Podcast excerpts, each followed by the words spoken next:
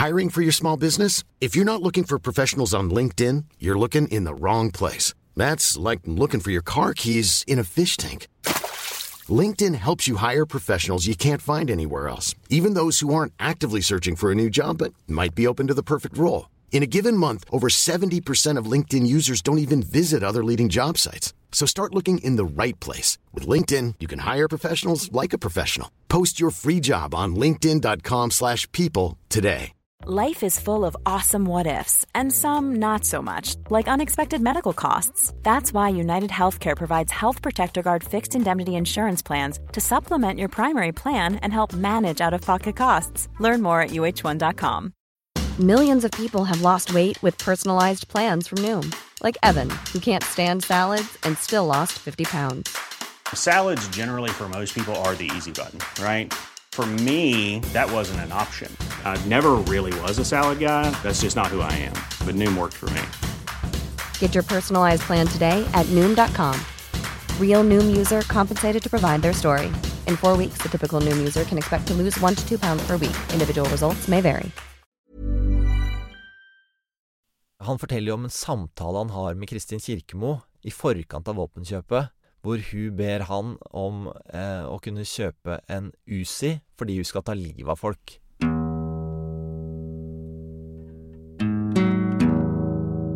Godt nyttår! Vi er tilbake fra juleferie og gleder oss til masse mer Ordru-content i 2024.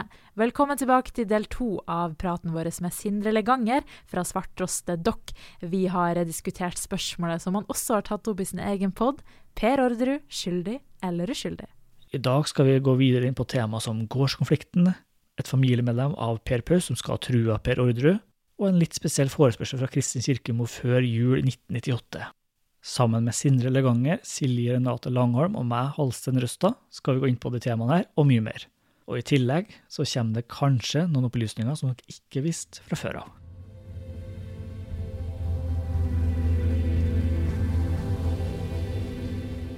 Vi kan begynne med å prate litt om gårdstvisten, som et av de aller største temaene under rettssaken. Dette temaet belyste også grundig i din egen podkast, og tilsynelatende mest fra Per sitt ståsted. Ja, nei, det, det som var eh, tanken min der, er bare en gjennomgang av Pers versjon av hendelsene, hvordan han opplevde det. Og det interessante der som jeg lurte på, er jo bare hvorfor begynte du å forfalske ting, liksom? For det har jo vært eh, så ødeleggende for han, tror jeg. Han kunne hatt en ganske god troverdighet, tror jeg, hvis han bare hadde fortalt ting sånn som det var, og ikke begynt å ljuge. Men Fikk du noe svar på det, da? hvorfor han begynte å forfalske den kjøpekontrakten? Nei, det fikk jeg vel ikke noe ordentlig svar på. Jeg veit ikke om jeg spurte om det heller, liksom mens vi gikk rundt der. Men, eh, men, eh, jeg har jo spurt Tore om det, og det er jo, det er jo også litt om det i, um, i lagmannsretten, hvis jeg husker, fra, fra Per. Og, og, svaret er vel at, uh, at uh, han skamma seg vel, hvis jeg husker rett. Han uh, ville liksom Han syntes det var så utrolig dumt at han først hadde sagt at det var ekte, så det å trekke tilbake det var veldig, veldig tungt. Det som han sier i retten, er vel at eh, motet svikta da han skulle få den eh, signert. Og da, da, de her problemene, altså da konflikten ble spiss, da den her eh, Det er en sånn hva kalles det, en slags sånn erklæring som gjør at uh, Per ikke kan bestemme noe på gården lenger, siden uh, Ja, en sånn urådighetserklæring. Urådighetserklæring, ja, stemmer. Det er liksom uh, oppsparket til at konflikten blir ordentlig sånn Ja, at det blir en gårdstvist, rett og slett, da. Da tenker Det er vel liksom i det momentet der at Og det etter hvert blir en, klart for en rettssak, at han tenker at her må jeg sikre meg. Jeg trenger også den her kjøpekontrakten signert. Og så gjør han det. For å ha en best mulig sak i siviltvisten. Ja, ok, for det lurte vi på. Om den falske underskrifta skjedde før den sivile rettssaken, for at Per ville ha en bedre sak, var det foranledninga? Ja, nå er jeg på tynn is akkurat tidslinja her, men jeg mener at uh, det skjer i hvert fall ikke rett etter at skjøtet er signert. Um, det er ikke sånn at han liksom får det signert, og så drar uh, faren hans hjem, og så drar han fram pennen for, å, for å forfalske. Det skjer, det skjer, liksom etter at den konflikten er blitt ordentlig uh, igangsatt. Uh, I det momentet der så veit jeg ikke akkurat om det er liksom rett før rettssaken eller når, men ja. Ifølge Per. Ja, han hadde liksom skjøtet i orden, og da kunne han gått i rett med et ordentlig dokument som var ekte, da. Istedenfor å velge han å forfalske kjøpekontrakten. Det er uh, rart. Hvorfor gjorde han det? Eh, ikke lurt. Mm. Det, det, det snakker jo også Tore Sandberg alltid om, at eh, Per har gjort to store feil i Orderud-saken, sier han alltid. Og det er ene var at han forfalska kjøpekontrakten, og jugde om det. Andre er at han ikke sa noe til politiet om at det hadde vært våpen på gården. Og det er jo også utrolig rart å tenke på, ikke sant. Eh, Hele familien er blitt skutt. Du veit det har blitt avfyrt et skudd i i stua di. Så sier du ikke noe om det. Kom igjen, liksom. Det, det innbyr ikke tillit. Vanskelig å forstå. Ja, og det er jo mange som mener at han kanskje allerede tapt saken der, da, ved at han ikke la kortene på bordet med en gang. Han mista så mye troverdighet av at han ikke sa det om det skuddet på lille julaften, og at kontrakten var forfalska. Jo, jeg tror det er uh, veldig presist, egentlig. Altså, hvis man da skulle gjort de her troverdighetsvurderingene på nytt, ikke sant, altså måle troverdigheten til Per opp mot troverdigheten til Kristin Kristin er eh, eh, i et sånt rusmiljø Man kan liksom bevise at eh, hun ljuger om andre ting. Og så hatt Per da, som var eh, liksom en kar som hadde fortalt sannheten fra dag én, og man ikke kunne ta han på noen sånne store feil, måtte man jo stort Eller har i hvert fall vært mye større sjanse for å stole på Per i fortellingen om juleselskapet, ville jeg tenkt, da. For det er jo liksom Hvis jeg har forstått det her rett, så er jo det noe av det som virkelig gir politiet eh, tillit til Kristin, er jo at hun produserer, eller hun kommer med de her fortellingene fortellingen om eh, pistoler på gården. Og, og, og så kan man sjekke det opp mot skuddskader i bordet og veggen. Da er det jo bare gull, ikke sant? Ja. Så at, eh, at Per ikke var den som kom med de opplysningene først, eh, veldig skadelig for han, tror jeg. Det er litt spesielt, da, for at eh, Veronica innrømmer etter hvert at det hadde gått av et skudd, da. Men det tok jo Per, eh, hvis jeg skal riktig, rundt 17 avhør før han eh, endelig tilsto den hendelsen, da. -hmm. Så det er, det er også litt spesielt med tanke på at han begrunner det med at det var et løfte overfor kona om å ikke gå ut med den informasjonen. Enig, veldig spesielt. Men det sier jo kanskje litt om Per, da. Åssen type han er. Det er liksom eh, Da da, da er du i stand til å stå imot press, liksom. Ja. Langt Stå imot mye press. Så kan man jo alltid spørre seg hvorfor, liksom. Vanskelig å helt forstå.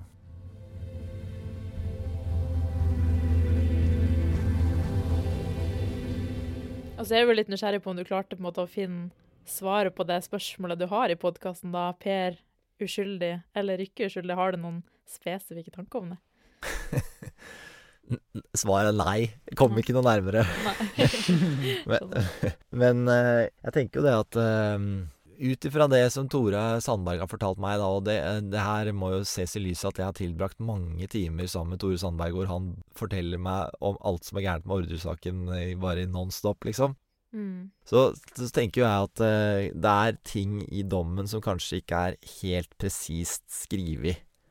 Liksom det her eh, om, om det kom seg inn gjennom eh, ruta på baksiden gjennom å knuse den, eller om det kom seg inn på en annen måte, eller eh, Det står også det her med at eh, Per, gjorde en, eh, per og Veronica gjorde avtale med noen andre om at de skulle fullbyrde drapene for dem. Det er sånn OK, gjorde de egentlig det? Kan man bevise det på en måte? Det er sånn Det, eh, det, det fins formuleringer i dommen som jeg tror man med rette kan stille spørsmål ved. Men akkurat om, eh, om eh, Per eh, var helt uskyldig oppi det her, om det liksom ting foregikk rett under nesa hans, at han var en sånn innocent bystander som bare ikke helt skjønte greia, eller, eller om han var en primus motor bak drapsplanlegging av familien sin på juleselskap, liksom. Det, det fikk jeg ikke svaret på, rett og slett. Og kan nesten ikke se for meg hvordan man skal få det svaret heller, liksom. Med mindre det plutselig dukker opp noe heftig DNA, noen nye bevis, liksom, à la Mm. det her fra attentatet, da. Men det, det spurte jeg også påtalemyndigheten om, ikke sant. At eh, ok, dere fant uh, DNA fra Kristin på, um, på um, teipen under bilen til Anne ved dynamittkubben.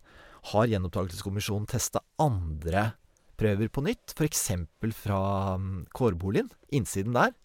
Altså Kanskje man eh, med ny, eller dagens DNA-teknologi kan finne noe der, ikke sant?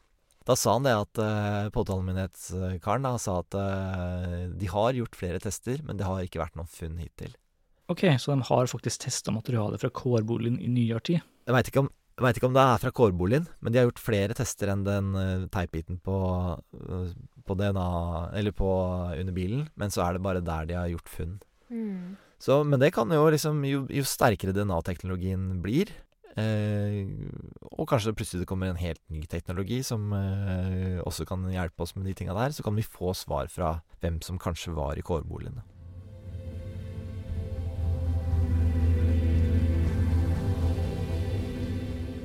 Det neste vi ville prate om, det var en bekjent av Arman Westad. Han heter altså Kjetil Bjørnhaug. Ja. Han kommer med en del interessante opplysninger. Hva er dine tanker rundt det han tar opp, sett opp mot hovedspørsmålet i serien din, som er Pers skyld eller uskyld? Ja, nå må jeg tenke Jo, han forteller jo om, eh, om våpenoverleveringa i eh, Molde.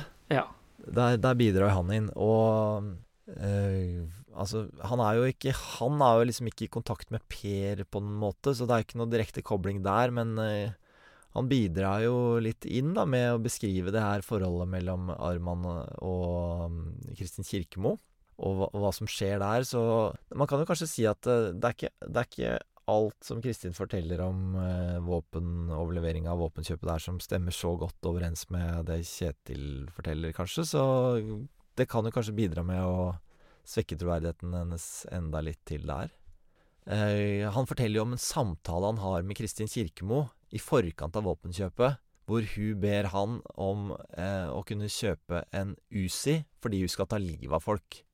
Hvis man tror på det, da, så det, det er i hvert fall ikke havner i favør at Kristin ikke er en sentral del av, eh, av, drapene, sånn som det står i dommen. At hun på en måte er en sånn som blir trekket inn i det gjennom, gjennom Per, når hun sier at hun skal drepe folk sjøl med en Uzi, liksom. Så men eh, det er jo det med Kjetil Bjørnhaug eh, at kan man egentlig stole på det han sier, liksom? Det er vanskelig å kontrollere de tinga der. Og jeg prøvde jo det med å Jeg spilte jo av det klippet hvor Kjetil forteller det her til, eller for Arman Westad, som jo også skal ha vært en del av denne telefonsamtalen, da. Og han huska jo ingenting av det, liksom, så litt vanskelig å vite. Og det som jeg bare tenker på med de tinga der, er bare Jeg skulle så gjerne ønske jeg kunne snakka med Kristin Kirkemo Ja. Mm. og hørt hva hun tenker om de tinga her.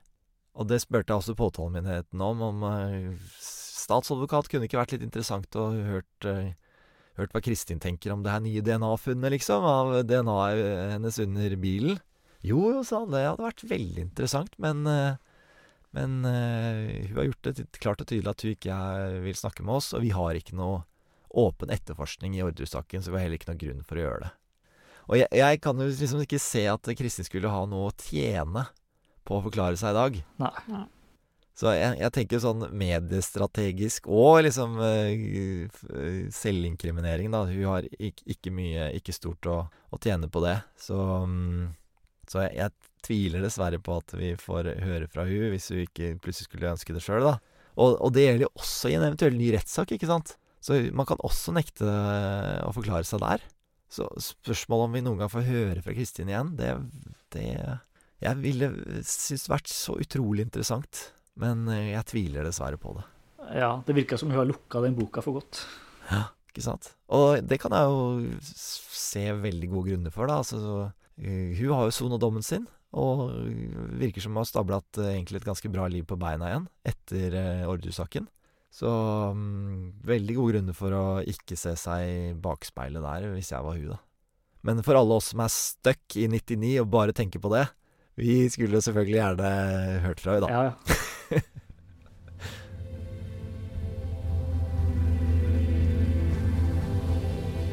Og det var et godt argument at eh, våpnene i Molde skal ha blitt betalt med ecstasy og dop, angivelig, og ikke med cash, som Kristin forklarte.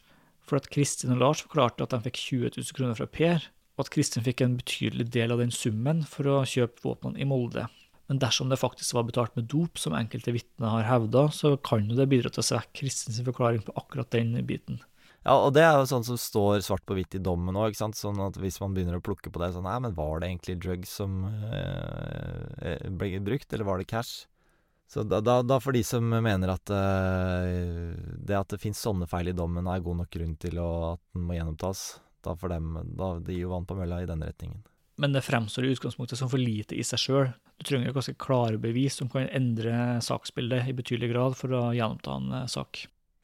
Det er jo det det er. Og det er, det er, det som jeg har tenkt av og til når jeg snakker med Tore, at, uh, Han er mer sånn uh, Han smeller til med alt mulig forskjellig. Mm. Og, og mangler vel kanskje den helt store som liksom velter u, Sånn uovertruffent, som velter alt over ende. Ja. Det er vel kanskje, er kanskje mer en sånn strategi om at mange små hakk i denne her muren til sammen vil gjøre at den faller sammen.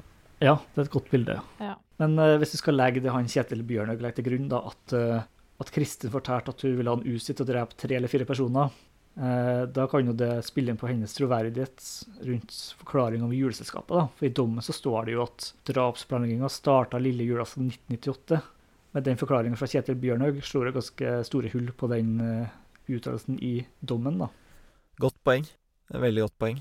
Og, men, men kan man ikke trekke den eh, slutningen allerede, i og med at den dynamitten som hun plasserte der, da? Mm, absolutt. Ja.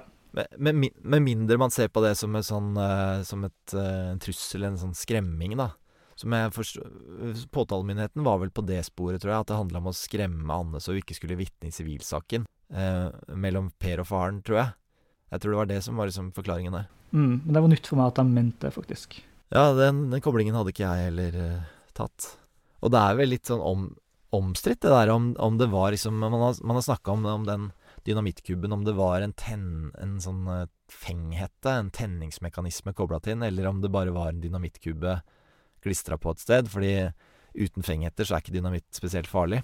Nei, ikke sant. Og det, det har jeg aldri helt fått, eh, fått eh, klarhet i, om det faktisk eh, Om det liksom fantes noen sånne små hull i den her dynamittkuben som det hadde vært en fenghet i, og den kanskje bare hadde dettet av, liksom. Fordi det er noe Nå, nå er jeg på tynn is igjen, men det er noen sånne observasjoner av noen eh, ledninger og litt sånn som eh, hvor, hvor tanken er at Kristin Kristin Kirkemo ha sittet bak en sånn eh, boks og spionert på denne bilen, eller ja. Nei, det der er jeg ikke helt inni, men eh, ja, det er vel ikke noe sånn kanskje klart svar på om det var en eh, reelt eh, bombeforsøk, eller om det var en eh, ja, forsøk på å skremme, da. Ja, det er forskjellige meninger rundt det, ja. Mhm. Øystein Millie er ganske klar på at han tror at det var et drapsforsøk, da. Akkurat. På grunn av det du sa om ledningene bak huset. At noen ville forsøke å koble det til bomba, men at de ikke rakk det, eller at det var et eller annet som skjedde som gjorde at de måtte avbryte operasjonen, da. Ja, nettopp. Så det er jo et godt poeng, men uh, det er jo ikke bevist heller, da, så det kan jo ha vært for å skremme Ja. Nei, ikke sant. Det, hvis man har lyst til å tolke i den retningen at drapsplanlegginga starta lenge før juleselskapet, så er jo det, ja, som du var inne på, da, veldig godt poeng. Men da mener altså påtalemyndighetene at eh, motivet for det første attentatforsøket var å skremme Anne fra å vitne i den, første, den sivile saken, da. Sånn jeg forsto statsadvokaten, så er det tanken. Det er forklaringa på det. Fordi han kan vel ikke se noen kobling mellom Kristin Kirkemo og Anne Ordrup Haust på noen annen måte enn at det skal handle om, eh, om gårdstvisten på en eller annen, eh, et eller annet vis. Hva tenker dere om det? Nei, jeg ble bare litt overraska over at han trakk fram det, uten at det har vært et argument tidligere. Aha. Jeg synes kanskje umiddelbart det høres litt rart ut at det skal ha vært motivet bak attentatforsøkene, med tanke på at det er jo veldig alvorlige handlinger, og så er det bare for å hindre at de skal vitne i en sak, liksom. Anne var jo ikke det viktigste vitnet engang. Det var jo en konflikt mellom Christian og sønnen Per Ordre om overtakelsen av gården. Og der hadde jo selvfølgelig Anne sin rolle også, hun skulle jo vitne i saken. Men hun kunne jo også avgitt vitnemål i avhør, og det kunne blitt lest opp i retten, ikke sant? Så at det skal ha hatt så veldig stor betydning, det har jeg litt vanskeligheter med å forstå. Nettopp. Men når det er sagt, så har vi vært inne på en lignende teori før. Ikke nødvendigvis å skremme henne for å vitne i saken, men at eh, motivet skulle være å ta livet av henne, sånn at hun ikke lenger skulle være en del av selve gårdsstriden og overtagelsen. Men det er jo bare en av mange teorier som er lufta, så jeg har ikke gjort meg på en personlig mening om det. Så vi presenterer det bare rent objektivt her, da. Nei, men det er jo veldig interessant, da, fordi at jeg har jo tidligere tenkt sånn Hvis det var Kristin, da, eller uansett hvem det var, hvorfor det var såpass lenge i hermetegn før drapet. At det var så lang tid mellom det og selve drapet på Ordre gård. Men hvis det handler om den sivilsaken, så er jo det en mulig kobling, siden det tidsmessig på en måte var litt eh, nærmere den saken, da. Mhm, skjønner. Men hva tenker dere liksom at det har skjedd på oppdrag fra, fra Per Veronica på noen måte, eller at uh, det liksom er Kristin som freestyle eh, tenker det av seg sjøl? Har dere gjort dere opp noen meninger der? Altså, vi har jo snakka masse om det. Altså, jeg føler jo man bytter jo hele tida, fordi man starta i saken for flere år siden, og så kommer man inn på de villeste teoriene, ikke sant. Og så sånn Her har du hørt dette? Og så har vi egentlig snakka om samme type ting enn før, da. Men det er jo veldig gøy å gå liksom litt i lengde av og til når man diskuterer det, og liksom gå helt sånn OK, kan det være helt conspiracy? Kan det være jugoslavisk mafia og bare hun som fikk en eh, vill teori, da? Men det er jo vanskelig å si. Men jeg tenker jo det mest Altså, sannsynlige koblinga må jo i så fall kanskje ha vært Per og Veronica, tror jeg, fordi det er jo på en måte Vi vet jo at de har en relasjon, men du vet jo ikke om ja, man skal gå helt på jugoslaviske mafia, liksom. Det, blir jo, det høres jo bare så vilt ut, på en måte. Ja, det høres jo litt søkt ut uten at vi har noen direkte koblinger mellom Kristin og noen jugoslaver som er liksom knytta til saken. Bortsett fra Davor Smailagic, da, som eh, ti forskjellige vitner har knytta til selve drapssaken, så er det ikke så mange konkrete navn i saken da, fra det miljøet. It's that time of the year. Your vacation is coming up. You can already hear the beach waves, feel the warm breeze, relax, and think about work. You really, really want it all to work out while you're away. Monday.com gives you and the team that peace of mind. When all work is on one platform and everyone's in sync, things just flow wherever you are. Tap the banner to go to Monday.com. Everyone knows therapy is great for solving problems, but getting therapy has its own problems too, like finding the right therapist, fitting into their schedule, and of course, the cost. Well, BetterHelp can solve those problems. It's totally online and built around your schedule. It's surprisingly affordable too. Connect with a credentialed therapist by phone, video, or online chat, all from the comfort of your home. Visit betterhelp.com to learn more and save 10% on your first month. That's BetterHelp, H E L P. Men det er uansett interessant at Kristin hadde en beviselig kobling til det eks-jugoslaviske kriminelle miljøet i Oslo. Og jeg tenker det skal man liksom ikke grave bort eller avvise med en gang uten å se på det, for det kan jo ligge noe interessant i det, hvis du ser litt nærmere på det og de bekjentskapene Kristin hadde til det miljøet. Helt enig, men det er problemet der, og det gjelder jo også med Davor Smailagic, som Tore er veldig opptatt av, er jo det at eh, ok, du har eh, mange forskjellige vitneforklaringer om det og andre kilder, men man kommer liksom ikke i mål med å plassere Davor på Sørumsand på drapskvelden, liksom. Mm. Ja, Man mangler det konkrete som knytter den inn, i- inn i det. Så, og, og uten det så vil man ikke komme noe videre på det, tror jeg. Altså Det vil ikke kunne tillegges noe vekt i noen som helst retning, Nei. eh, tror jeg. Fordi man, man, det vil være så lett for alle å liksom bare avfeie det som rykter og, Mm. Og uten hold. Da. Ja.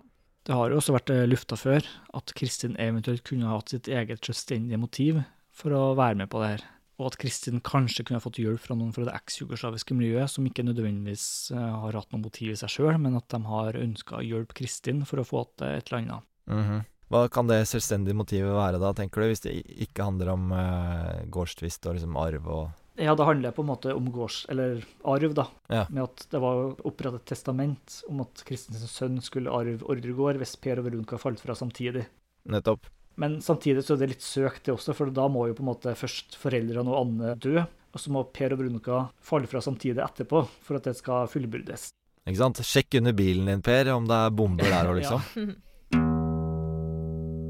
Så det høres jo litt søkt ut, men samtidig så var jo Kristin ifølge mange vitneforklaringer betydelig ruspåvirka på den tida. Og hun er jo beviselig kobla til den første attentatsaken, altså bombeattentatet, gjennom det nye DNA-beviset, som igjen viser at hun er i stand til å gjennomføre sånne illegale handlinger, for å si det sånn, da. Og på et generelt grunnlag, hvis man er ruspåvirka, så er det ikke sikkert at man tenker like klart og rasjonelt som ellers, og at man kan se på det testamentet som en mulig motivasjon for å gjennomføre noe så sinnssykt, eller at terskelen for å gjøre det blir mye lavere. Mm -hmm. ikke sant. Det er det som eh, jeg ofte lander på når jeg liksom skal spekulere rundt eh, Kristin Kirkemos eventuelle alternative motiver, er sånn eh, Hvis man er på amfetamin og i et rusmiljø, kanskje det ikke er så liksom så veldig rasjonelle, lett forklarlige motiver til grunn? Mm. Kanskje det er litt mer crazy eh, tanker her? Ja, det er jo det, fordi at eh, som folk, eller som mange sier da, at motiv, ikke sant, det kan jo være forskjellig, og hvis du dreper noen, så er jo egentlig aldri et motiv, ikke sant, som man sier, godt nok på en måte, fordi at det er så vilt i seg selv da. -hmm. Og som sagt, hvis hun var på rusa på den tida, så kan det jo også hende at hun, ikke for å spekulere i det da, men det kan jo hende hvis det har vært snakk om noe sånn at hun på en måte har tatt, det kunne jo vært i så fall at hun tok grep, for at hun tenkte, ja, det var snakk om det, ok, men da gjør jeg det uten å helt på en måte være på samme bølgelengde, at hun bare tok det ekstra steget da, eventuelt da. Mhm. Ikke sant. Når vi er inne på den diskusjonen om rasjonalitet kontra irrasjonalitet, så kan man jo også se på Per og Veronica. dagen før drapene, eller et par dager før, så lå det et forlik på bordet om at tvisten visstnok var løst. Og den beskjeden ble formidla til både Per og Veronica. Da syns jeg det er veldig merkelig, hvis de er oppegående, rasjonelle mennesker, at de går til det skrittet å begå trippeldrap den natta, uten at man har et klart motiv lenger, tilsynelatende. Ja, men det prøvde jeg, og det, det mener jo Tore òg, da. Det er liksom at ja, da burde jo drapene blitt avbestilt, da, hvis de var liksom bestilt av en leiemorder. Men, men man, kan man ikke da liksom eh, si at eh, kanskje såra i familien var blitt så store allerede at eh, at uh, selv om selve tvisten ble løst, liksom, så, så kan motivet fortsatt uh, ha vært der, på et vis. At de bare Han hata virkelig familien sin, liksom. Jeg veit ikke, jeg. Ja, altså hvis man allerede har gått til det steget at man har bestilt et drap, da, så har man jo allerede gått over en grense, på en måte, en, høy, en terskel, liksom. Så er det jo ikke lett å bare være sånn Ja, OK, vi bare dropper det likevel, liksom. Når man allerede er så i det, og det er dagen før, på en måte. Nei, det Ja, ikke sant. Men det er jo ganske spesielt at det inntreffer nesten samtidig. Først får Per og Veronica beskjed om et forlik, og ikke så lenge etterpå så blir familien til Per drept. Så det er jo to ganske spesielle omstendigheter som skjer i nesten samme tidsrom. Enig. Det er veldig rart.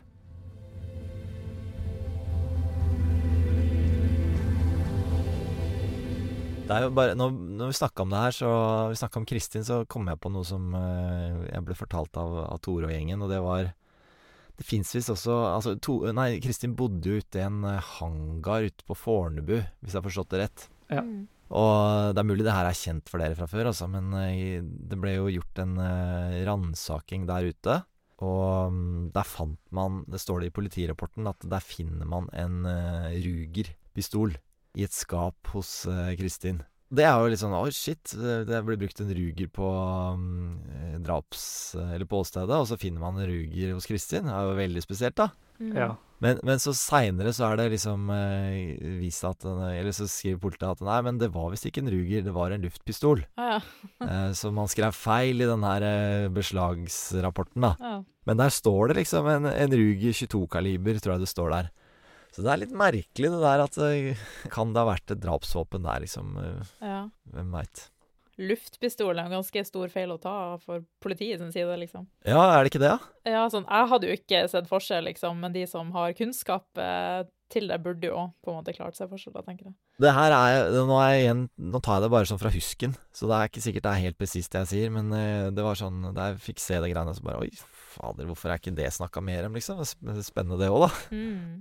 Ja, ja, absolutt. Så det er vel kanskje det som er med ordresaken òg, at eh, jo mer man graver, jo mer ville ting dukker opp. Og det er derfor jeg tror at eh, Tore Sandberg kommer, eh, hvis saken ikke blir gjenopptatt, han kommer aldri til å gi seg. Nei. For det kommer til alltid til å komme inn flere tips. Det kommer til å være interessante spor å forfølge. Det kommer til å være ting man ikke forstår. Så han blir ikke arbeidsledig med det første. Nei, det tror jeg ikke.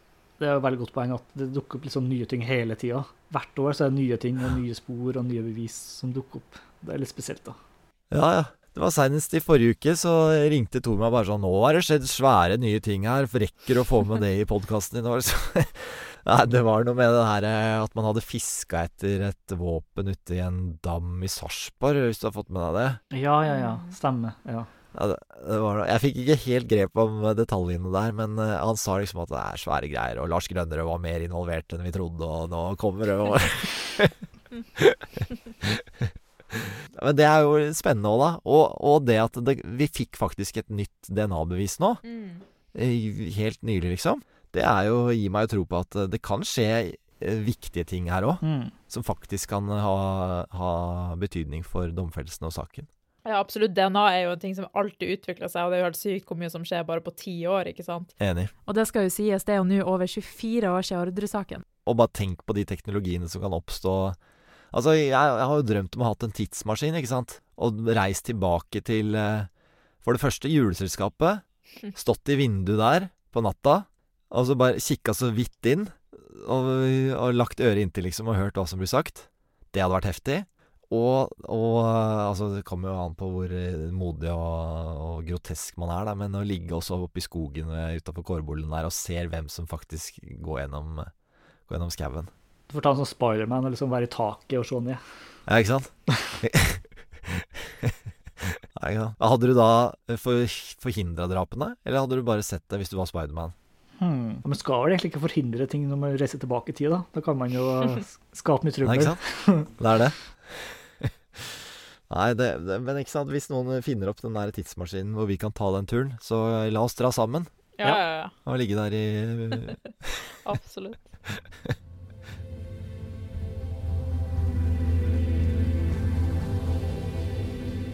Et av de siste temaene vi ville gå inn på, det var en slektning av Per Pust, som du går ganske grundig inn på i den ene episoden. Og du ser også på spørsmålet i begjæringa om vedkommende eventuelt kunne ha vært 180 mann. Jeg synes jo det, det, Poenget til Tore der har jo vært at øh, øh, han ikke ble sjekka godt nok opp ved at eh, man ikke gikk inn i mobiltrafikken hans liksom fra hans kant. Altså Man gjorde jo den her voldsomme utrensinga av forskjellige teledata gjennom eh, 180-prosjektet. Mens man, der hadde man altså muligheten til å se det liksom fra hans kant. Hadde han ringt eh, 180 gjennom sine telefoner? Man hadde den muligheten, men så tok man ikke den fordi, eh, fordi man eh, ble enig med han og advokaten om at man ikke trengte å gjøre den å ta den sjekken rundt 180. Og det gjør jo at eh, man kan aldri bli helt klok på det der, da. Um, om man faktisk var involvert eller ikke. Men uh, jeg, jeg spurte han er hovedetterforskeren på 180-prosjektet om uh, hvordan det her familiemedlemmet var sjekka opp, opp mot 180-prosjektet, og han sa det at eh, Han kunne ikke gå i detaljer, da, men han sa at uh, vi så på han, fant ikke noe grunn for å mistenke han på det. Jeg syns det er vanskelig å si noe sånn klokt eh, i motsatt retning da. Det er jo i hvert fall ikke noe pluss det at han sender sånne kjipe meldinger til Per, da, om at eh, han, eh, han drepte Han skriver jo liksom til hun i, i fjor, eller når det var, at eh, 'jeg drepte søstera di også', liksom. Men samtidig, jeg, jeg tror Jeg tror liksom hvis, hvis det hadde vært fasiten, litt rart å gå og smelle det i en SMS bare sånn ut av det blå, er det ikke det? Jo, Jo, det er veldig merkelig. absolutt. Da må du ha gjort ganske mye arbeid opp gjennom åra for å skjule at det var deg, liksom, og så bare plutselig så Jeg bare skriver det på melding i kveld. Ja, ikke sant. Ja, det rimer jo ikke helt med at gjerningspersonene tilsynelatende var veldig forsiktige ellers, ja. Mm. Ja. ja men, men jeg syns det er vanskelig å si, igjen, eh, noe klokt om, eh, om akkurat det. Det framstår jo ganske ekstremt.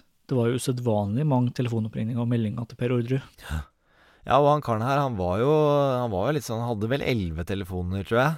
Og var vel en del av et eh, slags eh, Ja, om man kaller det et rusmiljø, eller i hvert fall et litt sånn halvkriminelt miljø, da. Så hvem veit, liksom? Vanskelig å si noe veldig lurt rundt det. Ja. Mm. Men det var spesielt én hendelse som jeg syntes var veldig interessant. Det var at en annen slektning av Per Pøsk har vært med der omtalte familiemedlemmet opp i leiligheten til Lars Grønnerød og sett at det her familiemedlemmet fikla med en revolver. Og Lars Grønnerød skal angivelig også ha vært til stede da det her skjedde. det, det, I konteksten her er jo at eh, både det her familiemedlemmet og Lars og Kristin sier at de kjenner hverandre ikke. Mm. Og så kommer jo han her slektningen av dem da og sier at jo, det har jo møttes og triksa til og med med gunneren til Lars, liksom. Veldig rart. Og da igjen, hvorfor, hvorfor er de så opptatt av å skjule at de eventuelt kjenner hverandre? Ja. De tinga der, det er jo sånn Det, det gir grobunn for å begynne å fantasere og spekulere. Samtidig så, så tenker jeg alltid at øh, for at eh, det liksom skal ha tyngde, så må man kunne plassere det her familiemedlemmet inn i saken på en eller annen måte. Altså da hadde man hatt eh, bompassering i bilen hans på vei mot Sørumsand drapsnatta, liksom. Det hadde vært da, da snakker vi. Mm. Men når vi ikke har de tinga der, da, da kommer vi alltid liksom til å stoppe på spekuleringsbiten. Men helt, ja, helt klart, da, det bidrar ikke Det bidrar ikke til eh, tillit. eh, og til å liksom sjekke han ut av saken. Det er, syns jeg er rart da, når man kommer med den typen opplysninger der som Tore har fått fram rundt fra den her slektningen. da. Husker du når den slektningen kom med de opplysningene? da? Det er ganske lenge siden. Jeg lurer på om det er i eh, ja, ja, nå, nå tar jeg et årstall, men rundt 2010, eh, tror jeg. Så, og jeg tror han slektningen i dag er død. Mm. Så det er, det er ganske Det er et stykke tilbake i tid, det der. Begrunna han hvorfor han ikke sto fram da rettssaken gikk? Nei, det veit jeg heller ikke. Vet ikke. Jeg kjenner ikke konteksten rundt, eh, rundt det der. Det kan jo være Nå, nå spekulerer jeg, da, men det kan jo være han ikke var innkalt, liksom. Mm. Det er ikke alle man kaller inn i, i uh, en rettssak, selv om de har liksom nærhet til uh, de involverte her, da. Og så var de også i familie, så det kan jo hende at han kvier seg pga. det, uten at vi nødvendigvis skal spekulere noe videre i det, da. Absolutt. Det, det kan godt være. Og så må vi bare spørre, for å se på alle muligheter her, tror du han eventuelt har noen grunn til å lyge om familiemedlemmet til Per Paust? Nei, ikke som jeg kan se. Nei. Jeg kan ikke helt skjønne hva det skulle vært, da. Nei, det er akkurat det. Men det går an å huske feil. Mm. Kan ha vært en annen eh, person. Ja ja, leilighet på Frogner, opp der, revolver på bordet. Er liksom Å blande Lars Grønnerød med en annen person, da, det høres jo kanskje litt usannsynlig, usannsynlig det òg. Ja, det er vel ikke så mange som har en revolver liggende på bordet, vil jeg tro. Nei. Nei, enig. Så Han sa vel så spesifikt at det var Lars Grønnerød som satt ved et skrivebord. Ja, ja, ikke sant? Han sa, han sa jo det. Men det var det jeg tenkte, at han kan jo ha kanskje blanda, man veit aldri. Altså. Og det er jo noe som man har liksom skjønt eh, i de her Eller etter at det har blitt begått såpass mange justismord, at eh, husken til folk er eh, noe av det dårligste man har å lene seg på. Mm. Folk husker bare helt ville ting som kan være så feil at det bare, bare det, og så kan folk være helt bombesikre på det. Så det, det er også et problem ikke sant, for Tore Sandberg, tror jeg. og må drive og bale i sånne gamle ting. Og skal prøve å finne noe nytt nå. Det er vanskelig å finne noe nytt teknisk, ikke sant. Fordi øh, altså, er gjort for lenge siden og sånt. Så da må du ofte snakke med folk om øh, hvordan var det her, da, liksom back in the days. Og ta det de da forteller, og at det skal ha tyngde. Det, Mm. det skal en del til. Men vet du om daværende venner eller bekjente av Kristin eller Lars ble spurt av politiet om de hadde møtt det her familiemedlemmet til Per Paust? Eller om Tore har fått undersøkt det nærmere? Nei, det veit jeg ikke. Det veit jeg ikke. Det kan jeg ikke huske. Også et interessant poeng det var at det var en revolver som det familiemedlemmet angivelig skal fikle med i leiligheten til Lars Grønnerød. Og så antydes det at denne revolveren kunne ha vært lillegutt. Men husker du hvor dato det skal ha skjedd? Var det før eller etter det påståtte våpenmuttet? Eh, nå er jeg på tynn is igjen, men eh, jeg, jeg mener det var eh, Jeg mener det skal ha vært eh, før. Men nå er, jeg, nå, er jeg på tynn, nå er jeg på tynn is. Og igjen, altså, eh, altså Selv om han slektningen sier at det er en revolver, kan man være sikker på det? Er, liksom, er han en uh, våpenkyndig som vet forskjell på revolver og pistol? Altså det, det visste ikke jeg da jeg starta å se på Orderud-saken, liksom. Så det er jo sånn Ja, man må ta en del ting med en klype salt, da, med mindre man liksom hadde spurt videre. Sånn, er du, hvor våpenkyndig er du, veit du forskjell på de tinga her, og sånn, men uh, ja. Så det er eh, hvis, hvis man legger vondvilja til, liksom, så kan man eh, plukke på mye. Og mm, Men enig, det er eh, Det er spesielt det at han beskriver det, at uh, plukke opp en, en, en revolver der. Det er det. Men det er nok lurt å ta det med en klype salt, ja, med tanke på at man vet jo ikke helt hva han har sett, eller hvor våpenkyndig han er, som du sier. Ja, det er i hvert fall hvis, hvis man har lyst til å liksom være vreng, vrang, så, så fins det muligheter for det. Men igjen, som du sa, da. Hvorfor skulle han ljuge om de tinga her? Og det må jo også sies at Lars ble beskrevet som ganske våpenkyndig, og han har jo angivelig også hatt befatning med flere våpen opp gjennom årene, så det her behøver ikke nødvendigvis å være lille gutt. Nei, ikke sant? Det er nesten for godt til å være sant om det var selve lille gutt. Ja.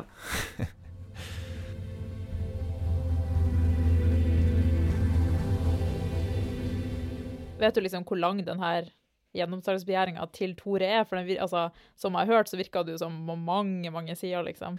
Selve liksom, hoveddokumentet er vel eh, i underkant av 600 sider. Og så er det vel sikkert eh, ja, Ja. hundrevis av tilleggsanførsler, som det heter. Hvor han liksom kommer med nye funn, da. ja, ikke sant. Eh, og jeg har lest hoveddokumentet, og så har jeg lest Ja. en del tilleggsanførsler, men jeg har ikke lest eh, ikke alt. Og selve liksom, mengden dokumenter i gjenopptakelsesbegjæringa til, til Per og Veronica, den er jo vokst nå til 16 000 dokumentsider. Som liksom gjenopptakelseskommisjonen etter hvert skal eh, på en eller annen måte da, skal lese og forholde seg til og bedømme ut ifra. Og hvordan de skal få til det, det skjønner ikke jeg. Helt umulig. 16 000, det er ikke, hvem rekker å lese det, liksom?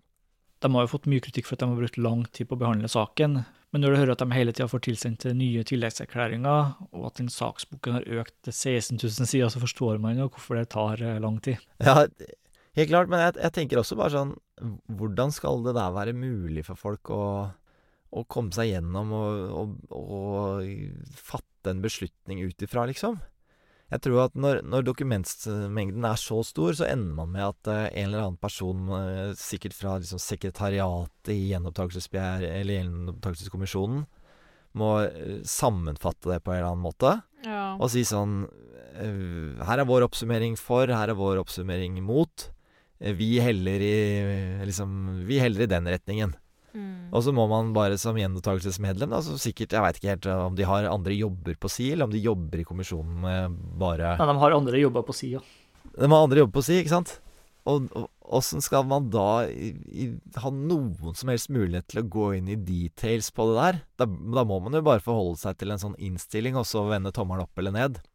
ja. Det er ganske sjukt at det egentlig har det, og at det er så få på en måte virker det som som jobber på det, når de får flere hundre saker hvert år, liksom. Det virker som at de burde hatt folk som jobba heltid med det. Med tanke på at det er så mange saker som er opp til behandling, og at det tar så lang tid å behandle hver enkelt sak. da. Mm. Så det er ikke helt optimalt. Nei, og da kan man jo stille spørsmålstegn ved rettssikkerheten i det der, da. Mm. Man har jo den kommisjonen for at den skal, liksom skal være et, en sikkerhetsventil for rettssystemet.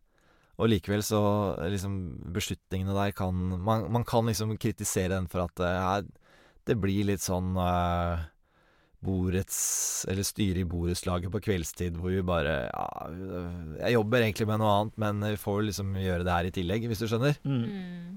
Men alternativet, da? Jeg veit ikke hva det skulle vært. Nei. Er, ville det vært bedre hvis det var eh, fast ansatte folk som, eh, som bare gjorde det der, og etter hvert liksom eh, Det blir en slags eks... En, en type dommere utafor domstolen, det, da.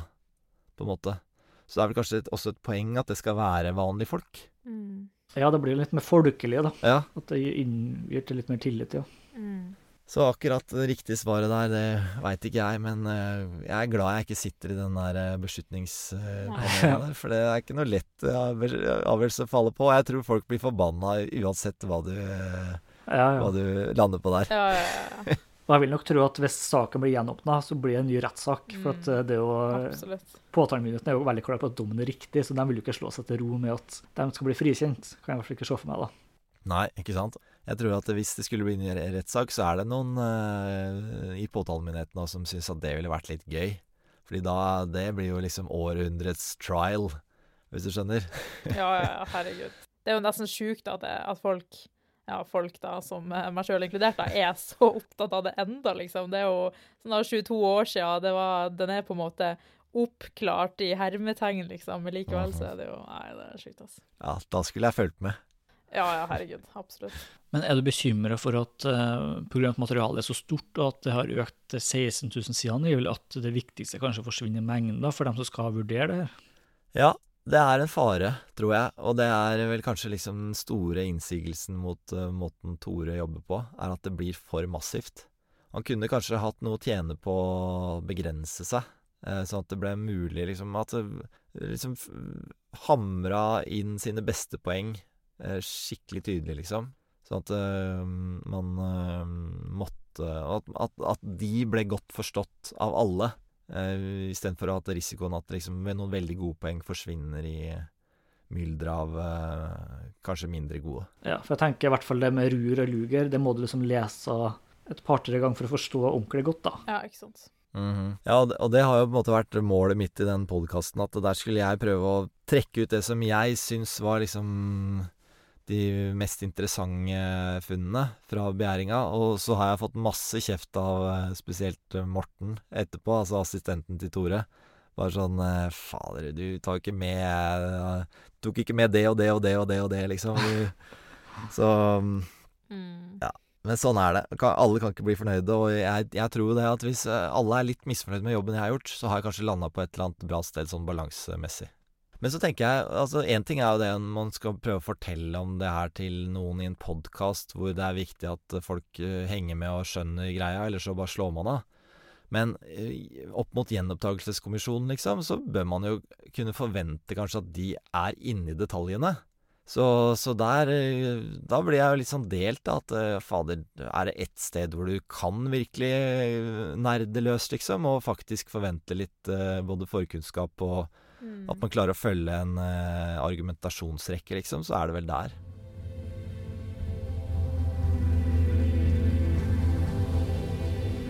Så kult. Det har vært kjempemorsomt å prate. Det er jo alle som er litt nerde på det der, er jo Altså, podkasten deres er jo perfekt Ja. for folk som oss, som eh, Som bare en, en fin kveld er å slarve om eh, ordresaken. Tusen takk for at du hørte på dagens episode. Vi høres neste gang.